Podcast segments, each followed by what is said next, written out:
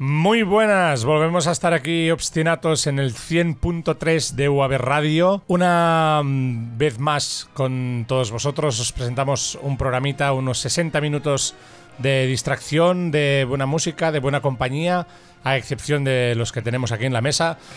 Buenas, buenas, buenas, Arturo Doral. ¿Qué tal? ¿Cómo estamos? Muy bien, gracias. Alba Lora, ¿cómo estamos? Hola, muy bien. Muchas gracias, señor Pedro Pablo Polo. muy buenas, muy buenas. Muy buenas, muy buenas. Antes que nada, vamos a mandar un saludo enorme, enorme, enorme a nuestro compañero Alex Onrubia, ¿eh? Que a veces se podrían confundir y poner una S. No, es sin Podían S. parecer más de uno, pero es solo uno. Alex, Alex en Rubia, que está convaleciente por una pequeña lesión, nada grave, no os preocupéis. Y no puede estar presente aquí con nosotros en nuestro directo. Claro, eso de, estar en directo siempre es lo que tiene, ¿no? Hay pequeños problemas y, y hoy no nos puede acompañar. Dicho esto, en la ocasión de hoy os presentamos un programa. Y a, Roger, y a Roger, traspasado por la faja, ¿no? Ah, era eso lo que me decías, bueno, ¿verdad? Vale, cierto, como, cierto, perdón. Y nuestro gran Roger Barcelona. Un aplauso, por favor. Siempre se le aplaude a alguien en este programa. Los, lo siento mucho, Roger. Era porque, como estaba tan metido en la pena de Alex Estamos emocionados, y tal, estamos y emocionados. Me, sí. me olvidé. En cualquier caso, ahora sí, a todos presentados. Ah, os vamos a decir una cosilla. El programa de hoy es un programa especial que mm, se va a llamar, y eso ya quizá os desvela el secreto de todos, se va a llamar Obstinatos Special Mark Timón. Oh. Que no, ¿A, quién entrevistaremos? Sí, ¿no? ¿Qué, no? ¿Qué, misterio? ¿Qué misterio? Os cuento el misterio. El misterio es que gracias a contactos que el equipo de Obstinatos tiene y Roger con sus aportaciones de superproductor nos ayuda. Ahora le hago la pelota, porque como me he olvidado de presentarle, pues nos toca darle un poco la pelota.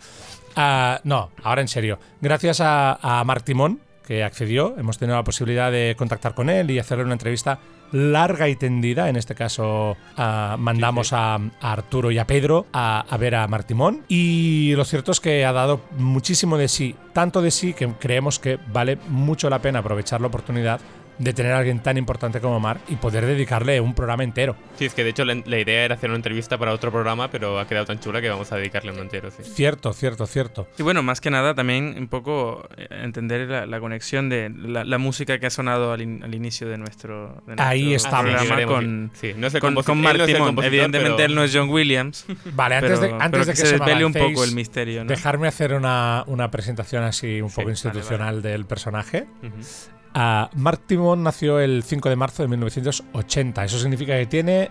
39 años. Muy bien, 39 años. Caramelo para ti, Pedro. Nació en Castelló de Empurias. Yes. A pesar de que lo conocemos como gran figura de la composición, también, encima, es periodista. De la casa, además. Exacto, además se licenció aquí en la, en la Universidad Autónoma y en 2006 se graduó en el SMUC como en, el grado de, en el grado de composición, siendo alumno de Albert Guinovar. No voy a hablar mucho de él No, porque ya luego hay temas y él nos ha hablado bastante de, de, de Albert y de todo lo que representa. Cabe decir que, que tuvo matrícula de honor en sus estudios, no como los aquí presentes. ¿eh? Ninguno de los presentes. Te incluyes, ¿no? Me incluyo de, de momento, porque como no he acabado, tengo tiempo. Sí, tienes que ir a la recu a ver si, si Y- rascas algo. Exacto. A ver si llegas a, a la matrícula. Exacto, sí, sí, sí, sí. Ya, ya os lo diré. Cuando, cuando lo tenga os lo diré. Y últimamente es súper, súper reconocido por, su, por sus trabajos en música cinematográfica, en grandes producciones. Ah, Mark está actualmente viviendo en Los Ángeles desde hace relativamente poco tiempo y ahí se está desenvolviendo tan, de un modo tan importante como, el que, como la repercusión que tuvo aquí en, en- en nuestras tierras, algo más, un poco más cercano. Dicho esto, me gustaría solo mencionar que le dieron el premio International Jerry Goldsmith en 2014, que es una mención bastante, bastante importante, por no decir. Tien- Tiene cinco. Le dieron cinco veces. El primero fue en 2014. Claro, el primero. fue en 2014 y de a partir de ahí varios. Qué, qué manera de desmontarme ahí. No, el mis- último mis fue en prepara- 2014. Mis Ah, ¿sí? preparativos. Ah, bueno, perdón, perdón, perdón. Que tiene muchos premios, vaya, que es un señor muy importante, es un chico. de laureado, hecho, laureado. un- una persona muy joven, muy agradable, súper contentos de haber podido hablar con él y le damos ya por primera vez las gracias, pues estoy seguro que a lo largo del programa lo vamos a, ir repitiendo. Dicho esto, me gustaría pues ya introducir un poco Arturo para que nos, nos empieces a, poner ya en materia, a ver qué, qué es lo que ha soltado de sí poder entrevistar a alguien como Martimón. Sí, bueno, pues hemos, hemos como reagrupado las preguntas en cinco, en cinco bloques, eh, según temáticas y tal. Cinco o cuatro. Eh, cinco o cuatro. o cuatro. Depende al final hay como una, hay una coda así pequeñita. Em, el primer, los dos primeros bloques son sobre, sobre el panorama musical de la industria del cine. Y sobre su visión y su... Como conexión con ella. Claro, su conexión, su desarrollo, cómo se cómo se, bueno, cómo se las apaña en, en este negocio, en, en, un país donde hay una competitividad muy grande.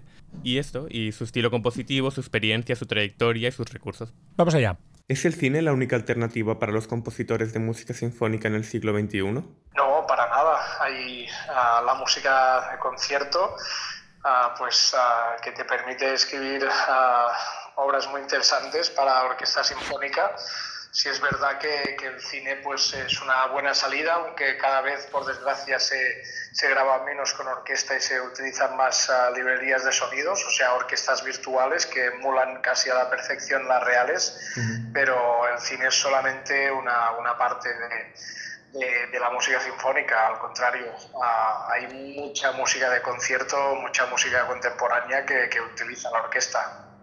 Bueno, más allá de, de, del hecho de que la música para el cine debe estar basada en imágenes e historias persistentes, ¿qué diferencia a nivel musical hay en la composición de cine y la composición convencional? Básicamente la, la diferencia es el, el, formato, es decir, la música de cine, aparte que tiene que relatar una historia muy, muy concreta, uh, hay unas duraciones, hay una sincronización, que esta es la, la clave, ¿no? que, que la música tiene que que ser como un traje a medida de, de la película, del metraje. Entonces, uh, la diferencia más grande es esta, porque al, al, fin y al cabo, contar historias, puedes contar una historia en cine, pero también en una obra sinfónica programática. Entonces, la, diferencia mayor sería esta, que, tiene que ir cuadrada, que tiene que, que realzar la imagen, pero, también empezar cuando empieza la secuencia, terminar con la secuencia o cuando toque, uh, es una cuestión pues, uh, que, que las diferencia mucho. Cuando te encargan un proyecto para musicar un corto o una película, ¿ves antes imágenes grabadas o escenas o te basas en el guion? ¿Y es esto relevante al final, ver o no lo que vas a musicar? Hay muchas maneras de trabajar, hay muchos directores que les gusta mandarte el guion, que te lo leas, que te imbuyas de la historia, que imagines, pero al final uh, lo importante es ver uh, las imágenes, porque no solamente ves la historia que se cuenta, sino cómo se cuenta. En mi caso, para mí es súper importante ver el color de, del, del, corto de la película, ver el director de fotografía con qué tono ha, ha, querido mostrar aquella historia, también ver el, el, ritmo del montaje, es decir, hay muchos elementos, por lo tanto, aunque tú con el guion puedas empezar a, a esbozar ideas, el, el, trabajo importante viene cuando tú puedes ver sobre todo qué, qué tono, qué tono va a tener esa música para esa película. Pero qué tono visual, ¿no? ¿Qué tono sí, sí. Bueno, de color? Visual, no. ¿Qué, ¿Qué, tono visual tiene para aplicarlo al tono sonoro? Es decir, claro. no tono de, de, fa mayor o do mayor, sino no, no, claro, claro. tono de, de, de, color musical, es decir, qué, qué instrumentación puedes utilizar, uh, qué tipo de orquestación puedes uh, emplear para, para, esbozar mejor lo que se ve en la imagen, uh, qué rítmicas, es decir, el, el el, el, tono, el color de, de, la película es básico, siempre en, en un sentido no, no, literal, que yeah. también es literal. Uh -huh. O sea, un poco de sinestesia, ¿no? Aquí. Bueno, no tiene por qué, porque a veces uh, se puede actuar a la contra. Yeah. Es decir, uno tiene que ver cómo se cuenta una historia más que la historia en sí, porque un guion, la verdad, nosotros podemos leer una novela, una misma novela y dos personas imaginarse muy distintamente el personaje principal, por ejemplo, o las escenas donde pasan las acciones. Entonces, uh, el cine ya no, no, te permite esta imaginación porque ya, ya, pues se, plasma esto con las imágenes. Y tú con la música pues tienes que, que buscar, uh, a veces será subrayarlo y a veces será ir a la contra, por ejemplo. En 2014 ganaste tu quinto premio Goldsmith por la banda sonora de la película El árbol sin sombra, de Xavier sí. Miralles. Eh, pues repasando un poco la música de la película, me, me topé con el tema No somos nada, que inevitablemente me recuerda a uno de los temas de Al secreto de las cosas que hiciste para el 50 aniversario de la UAB. Entonces, sí, sí. cuando te pones a componer para una historia que te es dada, ¿es fácil mantenerse fiel a las necesidades argumentales de la historia o por lo contrario, durante el proceso compositivo te surgen nuevas ideas que pueden ser el primer paso para otros proyectos? Puedes funcionar de muchas maneras, pero en este caso concreto que, que muy bien has observado, uh, yo lo que hago muchas veces es a mi música de cine pues darle otra vida, uh, si es posible, uh, a la, en el campo de la música de concierto.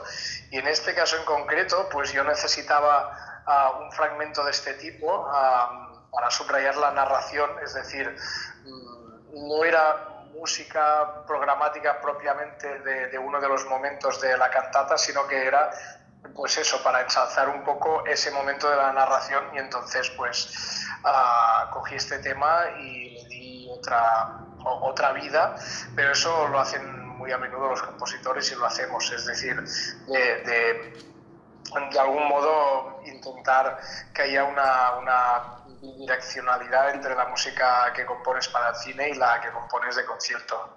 Es que es, esta, me, me, empecé a preparar la entrevista cuando acabamos de hacer el secreto de las cosas en el Palau de la Música y dije, hostia, esto me quiere sonar.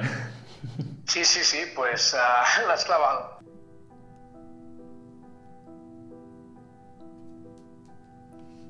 Golazo de Arturo, aquí, Sí, ¿eh? la ha Marc clavado, Timón ¿eh? diciéndole a Arturo que la ha clavado. Muy Sí. bien, muy bien, muy bien. Bueno, pues el, el tema que estamos escuchando ahora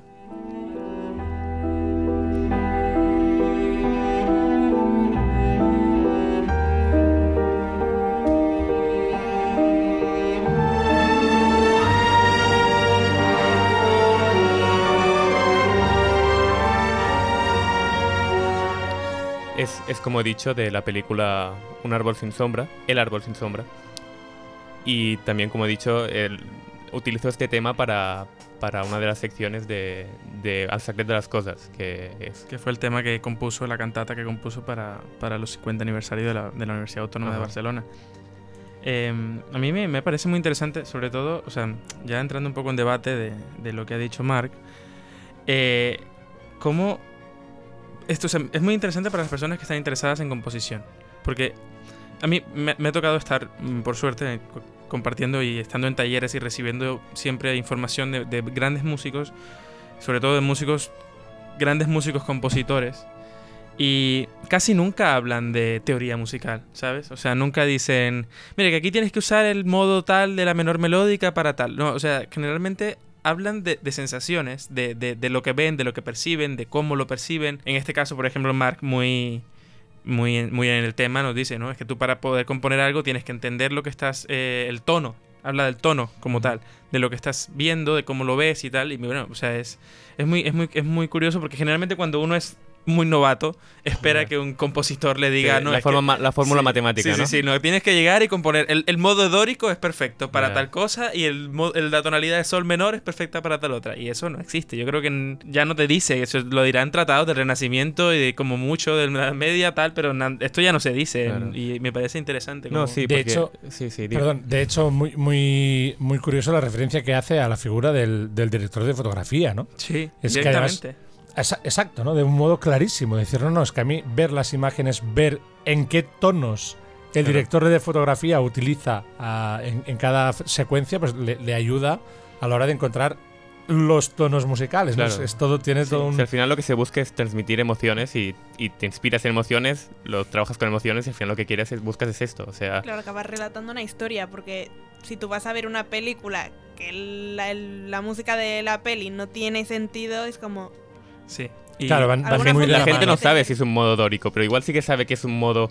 que, que un modo que- que menor, es- por ejemplo, representa algo y al final es, es algo que termina siendo obvio y, y- y innecesario de mencionar, ¿sabes? Es como, tú eres músico, ya tienes que saber estas cosas. Ujú. Al final de cuentas, lo, lo- lo que importa es cómo utilizas lo que sabes. Exacto. Y creo que eso es al final lo que los grandes músicos, como, como Mark, eh, a mi parecer, eh, terminan transmitiendo, es que, que, que cómo, cómo, cómo veo para, para, para, hacer lo que hago. Un poco diré una anécdota muy curiosa porque ya que usa tono, eh, eh, eh, cómo los músicos utilizamos las palabras como colores, tonos, texturas yeah. con el sonido. Y, y, y, a mí una vez con un tío tuve una discusión imposible. Un tío arquitecto decía, pero hombre, los colores son los colores. que era arquitecto? Sí, sí. Ah, muy bien. Eh, y los, bueno, es arquitecto. Y decía, los colores, los colores son estos, sí, pero los colores para mí son tensiones, ¿sabes? En el acorde y tal. No, no, los colores son. El color es amarillo, el color es negro y tal. Y claro, él escucharía esta entrevista y, y, y flipa un poco. Y fliparía. ¿no? Sí.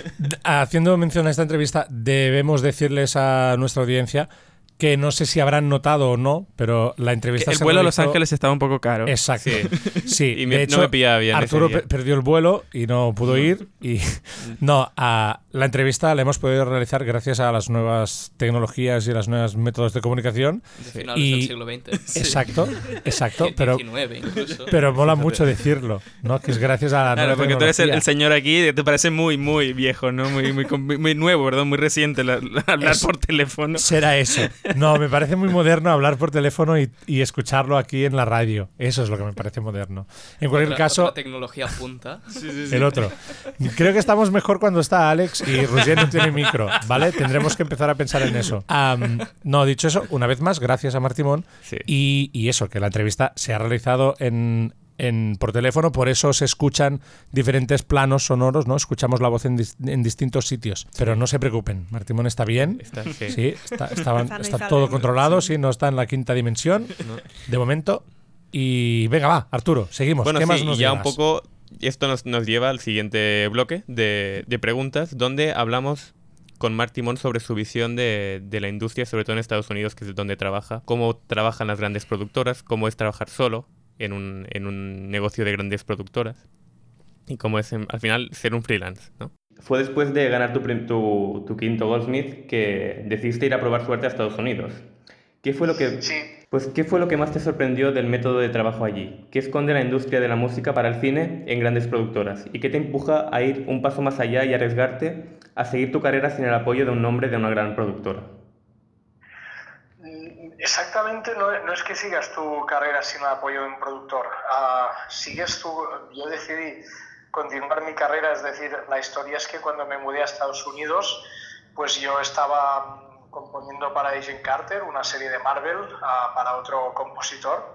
Entonces ahí vi que, que lo que quiero es ah, ser yo el compositor de esa película, de esa serie, de esa historia, ah, no por una pues, cuestión de galones, sino porque mm, yo no me sentía cómodo escribiendo música mía, que la firmara otro, ah, escribiendo música muy personal y que a lo mejor ese otro compositor pues quería que me, ah, me basara más en, en- como en su estilo, entonces vi claro que, que yo no quería tirar por aquí.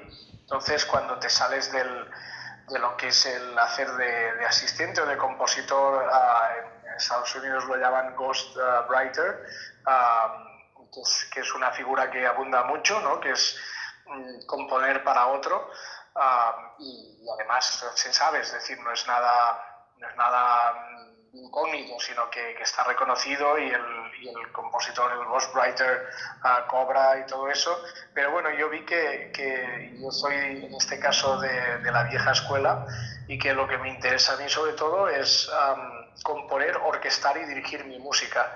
Am, igual ahora digo eso y cuando tenga mucho, mucho trabajo tendré que delegar y buscarme un orquestador que, que, un- o sea, que, que haga la instrumentación de mi música, pero de momento, por poco que pueda, eh, y así lo estoy haciendo, lo, lo hago todo yo. Y, eso a la vez es mi firma, ¿no?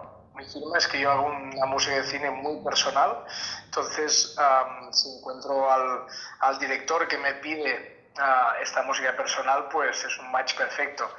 Y si hay otros directores o productores que como funciona la industria, no solo americana, pasa en todo el mundo, pero la americana pues lo amplifica todo porque hay más dinero, pues si hay productores y directores que prefieren eso a un equipo de compositores, pues yo, yo lo respeto y así se, se funciona, se funciona muy bien, pero yo pienso más en una forma mucho más personal de, de tejer historias con mi música, mm, más que haya muchas manos ahí metidas. Pero igualmente es un sistema muy válido el de este trabajo en equipo con varios compositores a la vez.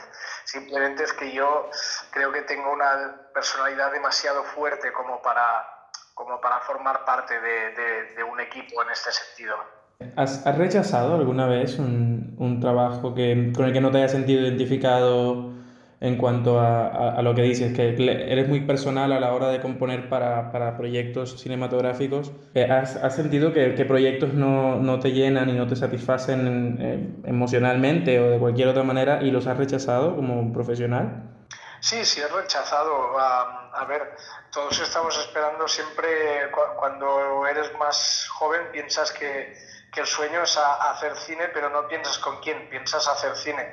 Después te das cuenta que, que es más difícil de lo que pensabas porque, claro, sí llegan algunas pelis o, cortos o directores o lo que sea, pero después ves mm, lo que quieren y, y, quizá no va contigo artísticamente. Entonces sí, a veces hay que decir que no, ya sea porque, porque crees que buscan otra cosa o ya sea porque, porque tú no, no, no, no comulgas con, con esas ideas artísticas. Es decir, to todos podemos hacer de mercenarios y componer música al uso, y, pero yo creo que a la larga es peor porque te estás traicionando a ti mismo y a, y a tu sello artístico. Cuando, cuando decidiste estudiar mmm, composición, ¿sabías que, o sea, que ibas a dedicarte directamente a la música para cine o fue como una vertiente que, fue, que empezó a aparecer de, de manera más bien natural o profesional? O... ¿Cómo fue esa conexión con el cine? Claro, porque tú, tú además tú empezaste estudiando, estudiando periodismo. Sí, yo empecé estudiando periodismo uh, en la Universidad Autónoma de Barcelona. Yo ya trabajaba, bueno, estaba en, en TV3 haciendo deportes y no pensaba para nada en dedicarme a la música y menos a la música de cine, para nada. Después empecé a, en la SMUC como de rebote, una casualidad, una historia un poco larga de contar, pero ahí empecé.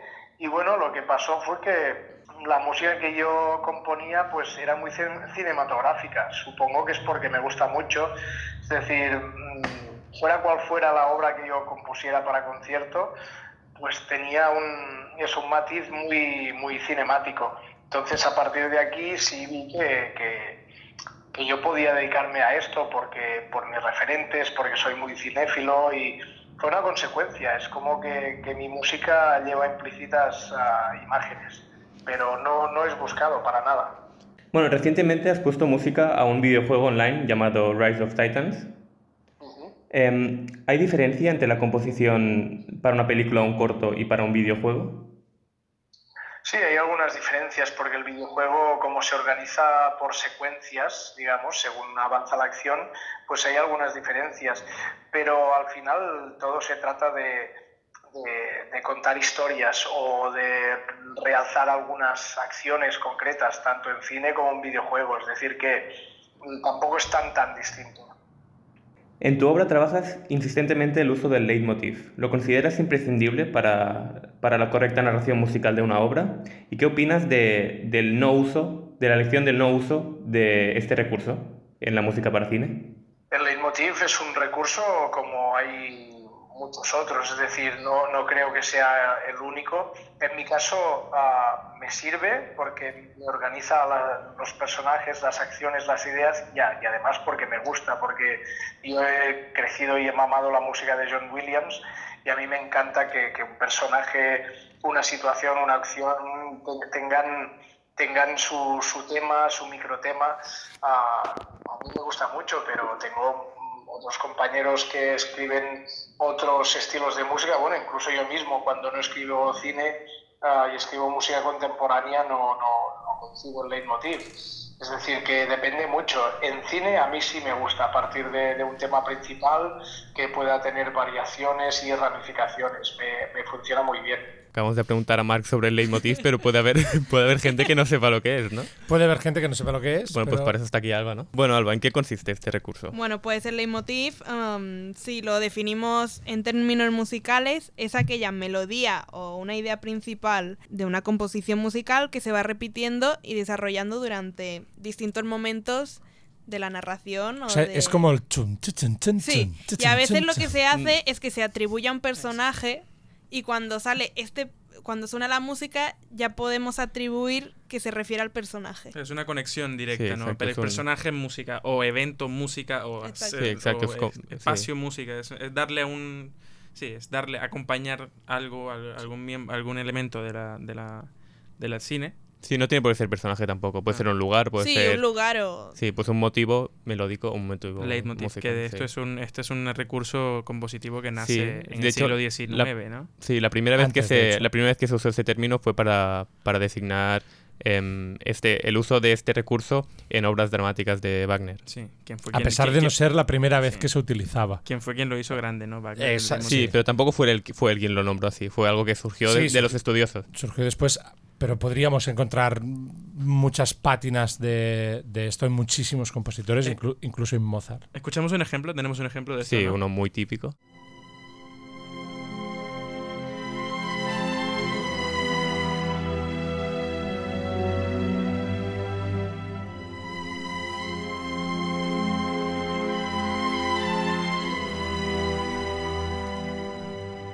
Esto que es de la Bella y la Bestia, ¿no? Sí, lo has clavado. precioso. Este es el, el leitmotiv del, del anillo único en el Señor de los Anillos y entonces cada vez Ah, de eso me sonaba. cada Vale, vez vale, ya lo he pillado. que aparece el anillo o cada vez que se quiere dar protagonismo al anillo en la escena, suena esto. O suenan modulaciones de esto o variaciones. o Bueno, la, la banda sonora del Señor de los Anillos es muy compleja. Hay un análisis muy bueno en internet de Jaime Altozano que lo podéis ir a ver si queréis. Mm, eh, Gracias. haciéndole, haciéndole propaganda a la competencia. Bueno, mejor que decirle que hay un, hay un análisis por internet, ¿no? Hay, hay cosas. Ya, vida. Buscadlo. Exacto. YouTube.com. ¿Qué está sonando? ¿Qué es esto? ¿Que Esto alguien- sigue siendo el Señor de los Anillos. Eh, Ah, creía que era la forma de introducir el siguiente bloque de preguntas a Martín También. Bueno, también. El, próximo bloque em, me parece muy interesante porque ah, preguntamos a. Bueno, Martimón ha citado con lo del leitmotiv a, a John Williams. Y en eso vamos a centrar el próximo bloque, en, en influencias, que haya, Referencias. sí, referencias, influencias, inspiraciones que haya, que haya tenido él como, como compositor. No solo a nivel internacional, sino también a nivel nacional. Bueno, de hecho, decíamos antes lo de Albert, supongo que va a salir en este bloque. Tranqui, ¿Cómo te gustan los spoilers, eh? Ya lo había dado, ya había dado el spoiler diciendo que era alumno suyo, ¿no? Por algún lado tenía que salir. Vale, en una entrevista de, en el 2014 por tu trabajo Coliseum, citaste a John Williams, como has hecho ahora, y a Hans Zimmer como influencias, pero apuntando que los consideras opuestos a nivel estilístico. ¿Qué sacas de cada uno y qué otros compositores te han influenciado? Bueno, mira, ah, son opuestos, pero, pero los dos son muy buenos en... Es decir, John Williams es, ah, para mí es el, el más grande, es el maestro de la melodía, del sinfonismo, de- de- de- del sinfonismo clásico, mm, pues que, llega a la pantalla ah, de, las melodías expansivas, de- del uso armónico y contrapuntístico más rico. Y después Hans Zimmer, pues ah, es el compositor que dota de tecnología la música sinfónica, es decir, que, que le da unos recursos, mezcla la, la electrónica, pues aporta los loops, las percusiones gordas, los taikos, ah, eso como os decía, la, electrónica. Entonces, mm, en Coliseum lo que yo quise hacer es am, partir de la tradición, partir del gran sinfonismo y después dotarlo de, porque una cosa no, no tiene por qué quitar la otra, pues ah, dotarlo de, tecnología también, es decir, de, electrónica. Hay temas que son completamente melódicos y de repente cuando entra la acción, pues entra un loop con unas percusiones muy ciprianas e incluso pues un riff de, cuerdas que, que alguien le podría recordar eso, las, las películas, los thrillers o las películas de ciencia ficción o aventuras de Hans Zimmer. Es decir, que yo no creo que tenga por qué ser, o sea, si tú eres de Williams o tú eres de Zimmer, como a veces en el mundillo se habla, ¿no? Y de referentes tengo muchos de los antiguos. Bernard Herrmann es un referente súper importante, pero también está John Corigliano con el violín rojo.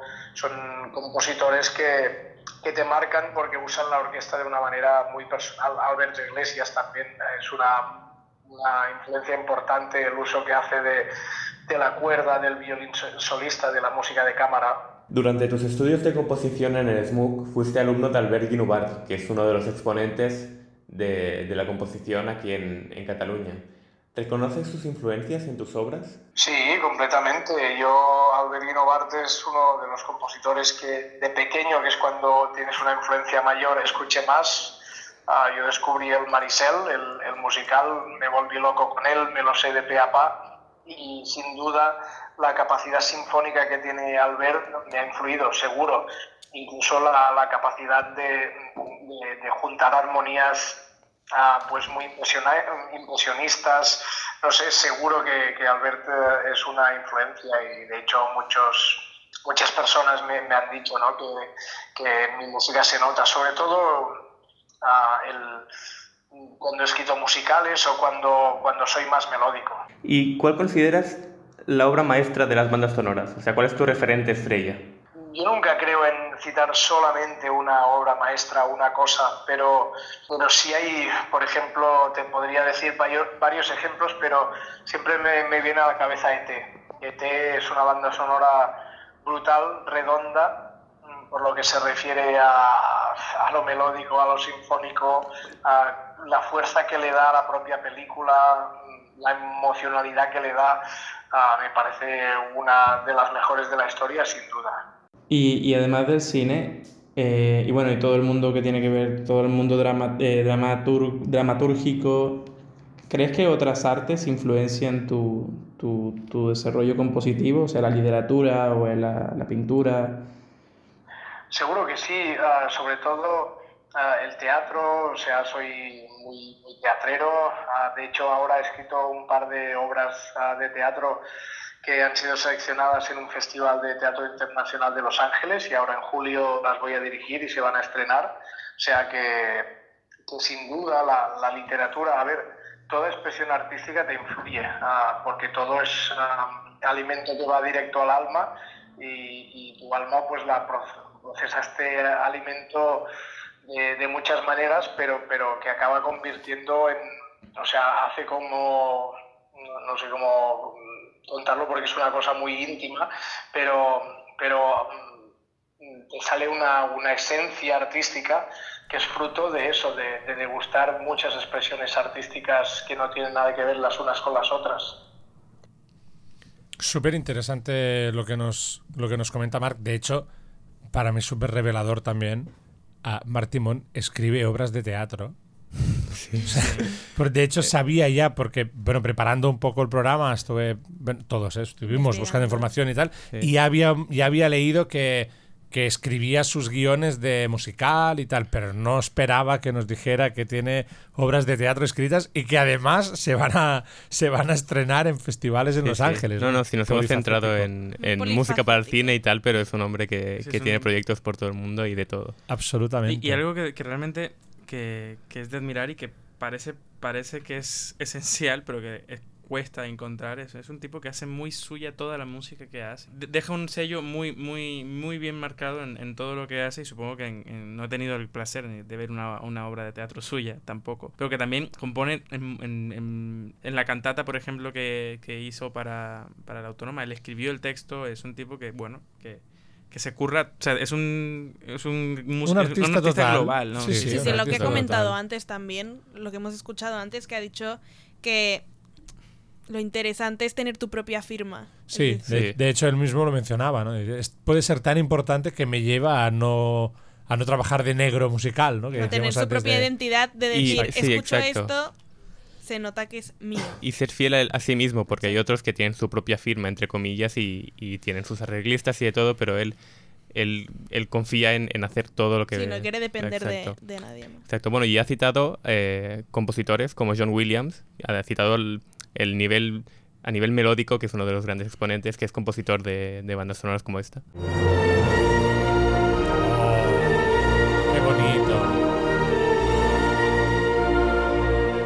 Sí, es que lo vamos a reconocer todos, o sea, En la niñez, en, en la nostalgia, ju- justo en la nostalgia, ¿no? Este- Era, era Mary Poppins, ¿no? sí, Amigo. Bueno, yo soy así, soy así. Yo os hago unas bromas que nadie bueno, responde. Jurassic, Jurassic Park, ET. ET también, Vale. Star Wars, que hemos escuchado al principio, eh, Indiana Jones, Jaws también, Tiburón. Qué grande. Da como miedo, ¿eh? Ya la escuchas y ya te pones como en peligro. Sí, pone, pone, a, pone a, a- a John Williams en un nivel, o sea, como dos, dos, dos contrapone. Sí, muy como bien. dos. Sí. dos, dos mundos, dos mundillos eh, dentro del, dentro del Está, gremio sí. cinematográfico. Está como el melódico más tradicional, más sinfónico, y luego está Hans Zimmer, por ejemplo, que lo ha citado.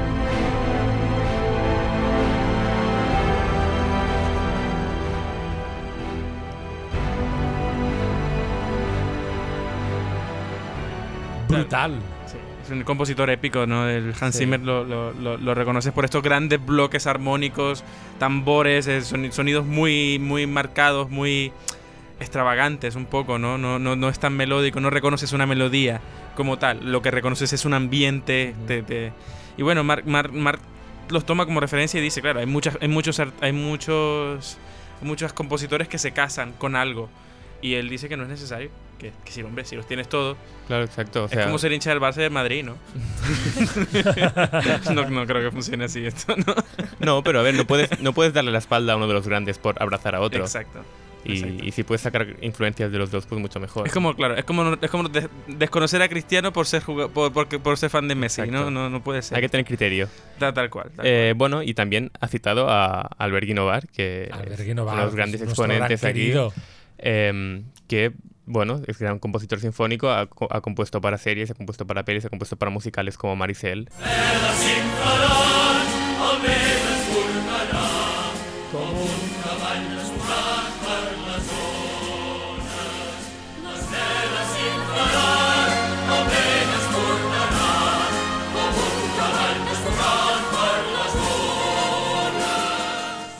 Voy, voy a haceros una confesión.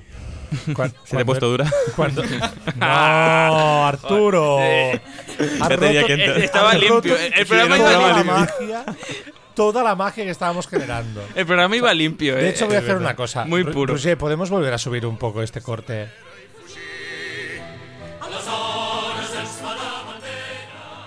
Os voy a confesar una cosa. Cada vez que escuchaba esta canción de Marisel, lloraba como un, como un bebé cuando era pequeño de la emoción que me daba ver y escuchar a esta parte del musical. Me dejaba loco. Ya está. es lo Sí, es lo que trae, ¿no? Hablar, de, hablar de- del, del mundo cinematográfico, teatral, dramatúrgico, ¿no? Que, que te evoca cosas. Sí, y Evoca además- cosas importantes. que musicalmente, que eso de hecho me di cuenta de, de mayor, ¿no? Cuando, cuando eres pequeño y ves el montaje, que algunos de los montajes que se han hecho son espectaculares, no, no eres del todo consciente de que sin la música probablemente toda esa espectacularidad no tendría el sentido que tiene. Y algo que rescatar de, de, de Mark Timoni, que ahora también lo vamos a escuchar en el siguiente bloque de entrevistas, es un poco eso de, de cómo, cómo él todavía.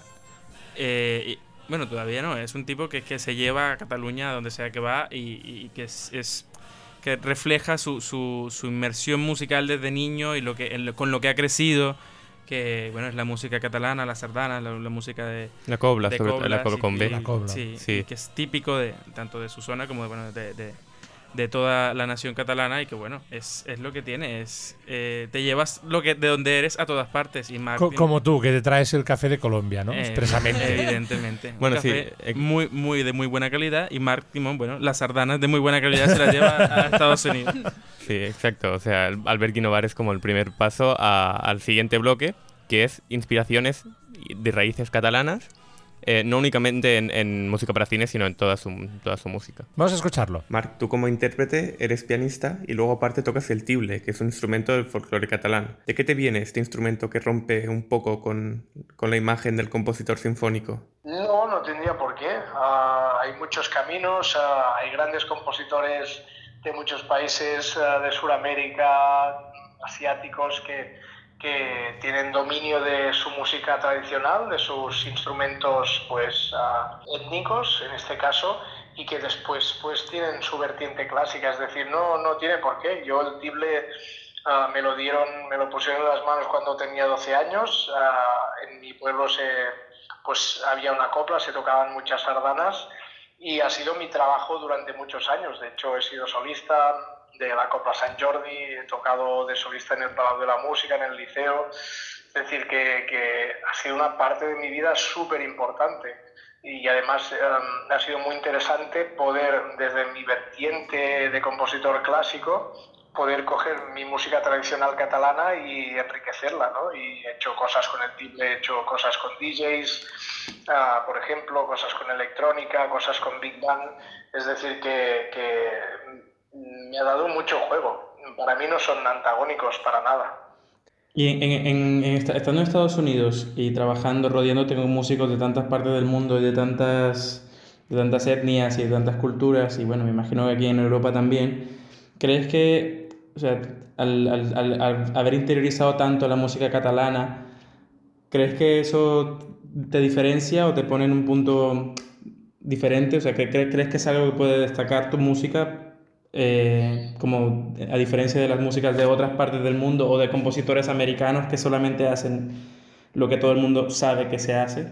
Seguro que sí, yo siempre digo que mi música, que es muy melódica, es decir, que, que soy más bien conocido por grandes melodías, viene de, de- de dos sitios. Uno, como, como, como comentaba antes, de, de John Williams y Albert Guinovar, de, de su gusto por la melodía, pero después también de, de la música popular catalana, es decir, de la sardana, que está muy basada en el elemento melódico, ¿no? El, el- el canto de, de la tenora en, en la parte de los largos, de la sardana, por ejemplo. Ah, yo creo que eso realmente fue lo que desde pequeño me fue metiendo dentro ese gusto por, por el hecho de que haya una melodía central y que se vaya expandiendo. O sea que, que sin duda la, la copla me, me copla en este sentido con B, no, no, no la copla con P, sino la copla con B y la, no solo la sardana, sino la música para copla en, en general, me ha dado otro poder, digamos, a la hora de, de componer música para cine. Y es más, ah, cuando tenga la oportunidad, que seguro que llegará pronto, de, de componer una banda sonora épica con, para algún género así un poco medievalesco, tipo, bueno, tipo Juego de Tronos o algo por el estilo, segurísimo que con la orquesta sinfónica voy a meter instrumentos de copla, porque son eh, estas chirimías de la Mediterránea son ideales para eso, porque suenan muy rústicas, muy medievalescas y, y creo que va a ser una novedad. Y si puedo hacerlo en Hollywood, mucho mejor, mm, porque así podré dar a conocer estos instrumentos y seguro que vendrán otros compositores que los utilizarán, como se hizo con el duduk o con tantos otros. Bueno, muy interesante. Sobre todo esa, esa intención de, de dar, un, dar una voz a, a lo que es la música étnica y los instrumentos étnicos de aquí, ¿no? Porque parece que si no nos vamos a, a buscar un timbal de, de África, África, no hablamos de nada sí. étnico. Y es que me, me muero de ganas de escuchar una, una banda sonora de Martimón como sí, espera, ahora una veréis. copla, Pero es que además, además el uso que, que le da, o sea, no, no se pone a tocar el tible así normal con, tocando una copla. Se pone a tocarlo Que con sí. un- que también. Pero, Pero se pone a tocarlo además- con un DJ y con una banda de con una banda de vientos metales que vas a flipar.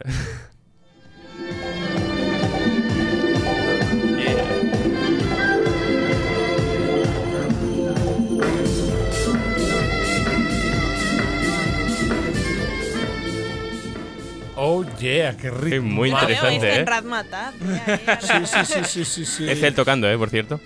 Él mismo El interpreta. mismo, sí. Sí, es lo que ha dicho al principio también de la importancia de no dejar atrás sus raíces, ¿no? De, vale, me puedo ir a Estados Unidos o donde sea, pero me llevo mi identidad. Exacto. y- Es necesario, es necesario porque es lo que nos hace ser lo que somos. Es un poco profundo, igual, en este programa de, de humor y de Arturos y de Jordis. Sí, está- Pero- está- estamos, estamos Sí, hoy es que un poco este- más sí, este- este- permisivos con la trascendencia, no Sí, pasa sí, nada. eso- bueno, es que es necesario. Llevártelo a tu tierra a todas partes es, es, es lo, es lo que tienes. Es tu patrimonio, es, es lo tuyo. Y, y si no lo haces, bueno, imagínate. Claro, en este caso es muy interesante porque la ventaja de tener a Marc Timón en la esfera mundial es eso, ¿no? Que se lleva una identidad musical. Claro. ¿no? No es, no es un- iconográfica, no es ah, específicamente de un, de un ámbito concreto que, que- que hasta ahora no teníamos, ¿no?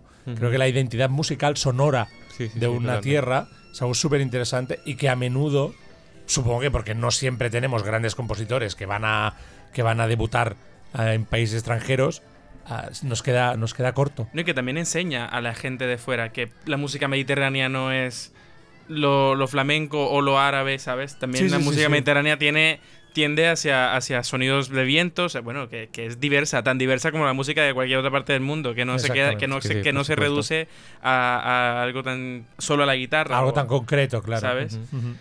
Y bueno, también eh, Martimón menciona, eh, debo confesarlo, soy muy fan de Juego de Tronos. Y no se podía estar callado. Y, y cu- y encima cuando lo menciona, dice, bueno, es el momento de, de preguntarle que, Mark, Ahora, ¿Qué ahora, piensas ahora sí, ahora sí. ¿Qué piensas, Sí, ahora ¿Qué O sea, piensas de esto? Ramin Djawadi es un compositor que yo he tratado de seguir mucho, no solamente es el compositor de Juego de Tronos, sino de una serie muy interesante que, que se llama Westworld y que recomiendo mucho que vean también. Eh, bueno, no vamos aquí a dar pautas de publicidad porque no nos pagan tanto todavía. Pero sí, que, la, que, la- que es que es un compositor que se está haciendo lugar en el, en el mundo, en el mercado cinematográfico, por decirlo de alguna, de alguna manera, y, y que de hecho en la última temporada se habló casi que más de la, al menos positivamente, de la música que de otra cosa.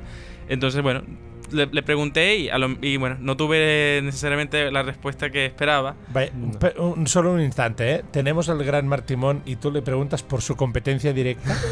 ¿Es, Bueno. ¿es eso lo que nos estabas contando? En un trozo muy pequeño de la entrevista, dije, bueno, Bueno, Jordi, por eso no te preocupes, porque después de esta pregunta viene ya lo que acaba concluyendo con, con un poco la entrevista, que es qué veremos de Martimón a partir, o sea, que, en qué está trabajando, en qué tiene las manos metidas y, y- y bueno, Por Yo eso- soy muy, muy seguidor de la, de la música de, de, de Ramin Djawadi, que es el compositor de Juego de Tronos. ¿Qué, qué, qué, te- qué opinión te merece la banda sonora de esta serie que, bueno, que está en el mainstream, que todo el mundo la ha escuchado, que todo el mundo, que todo el mundo la ha visto y que de hecho, a diferencia de muchas otras eh, series, ha- ha- se ha destacado también el nombre de- del- del director musical de, de Ramin Djawadi en la, en la, en la, en la composición de la, de la banda sonora? ¿Qué, qué, qué opinión te merece? Bueno, yo creo que, que Jawadi sabe muy bien lo que hace y que es muy bueno componiendo justo lo, que el director o, o el productor le piden. O sea, sí que mete un poco de personalidad, pero yo lo que veo es que es muy bueno siendo, o sea, siendo eficaz para cada escena. Ah, yo no soy especialmente fan mm, de él ni de la música de Juego de Tronos. Yo sé que la sintonía está muy venerada, la verdad. Pero eso es gusto, ¿eh? no, no es hablar mal de un compañero, ahora estamos hablando de gusto. Mm, A pero- mí no me dice, no me dice nada, no, no me mueve. Es más, siendo el género que es, mm, podría ser mm, de otro tipo, podría ser una cosa mucho más épica, mucho más grande, pero seguramente se le pide eso, entonces pues él hace lo que se le pide. Am, quizá en Westworld Mm. mm, me gusta un poquito más ahí. Am, no sé, y he escuchado otras cosas de él anteriores, pero como te digo, es difícil porque no se puede juzgar a un compositor, ah, mira, la música está para esta serie o peli, es buena o mala. No, es que muchas veces mm, dices, oh, aquí no se ha matado mucho, es que quizá el director y el productor le pedían eso, ¿no? Entonces, yo no soy súper fan de la música de Juego de Tronos, pero mm, reconozco su mérito. Y ya para finalizar, ¿en qué proyectos te encuentras ahora? ¿Qué vamos a poder escuchar tuyo eh, del 2019? Pues mira, ahora mismo, ah, curiosamente, aunque esté en Los Ángeles, ah, ahora lo que tengo más urgente no es cine, sino es, eh, son estas dos obras de, de teatro.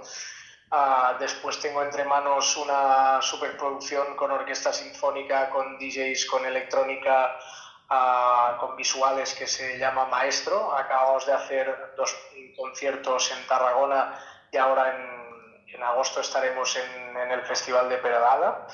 Y también en julio pues voy a estrenar una, una producción de pop sinfónico con artistas catalanes y también un concierto de, de música de cine. O sea que como puedes ver, ah, todo muy muy variado, pero contento de que sea así. Vale, bueno, pues Marc, eh, muchas gracias por tu tiempo. Sabemos que eres un hombre muy ocupado y te felicitamos por ello también. Y Es un honor para nosotros Sí. tenerte en el programa, definitivamente. Totalmente. O sea que gracias desde Obstinatos y suerte, mucha Yo- suerte con tu carrera.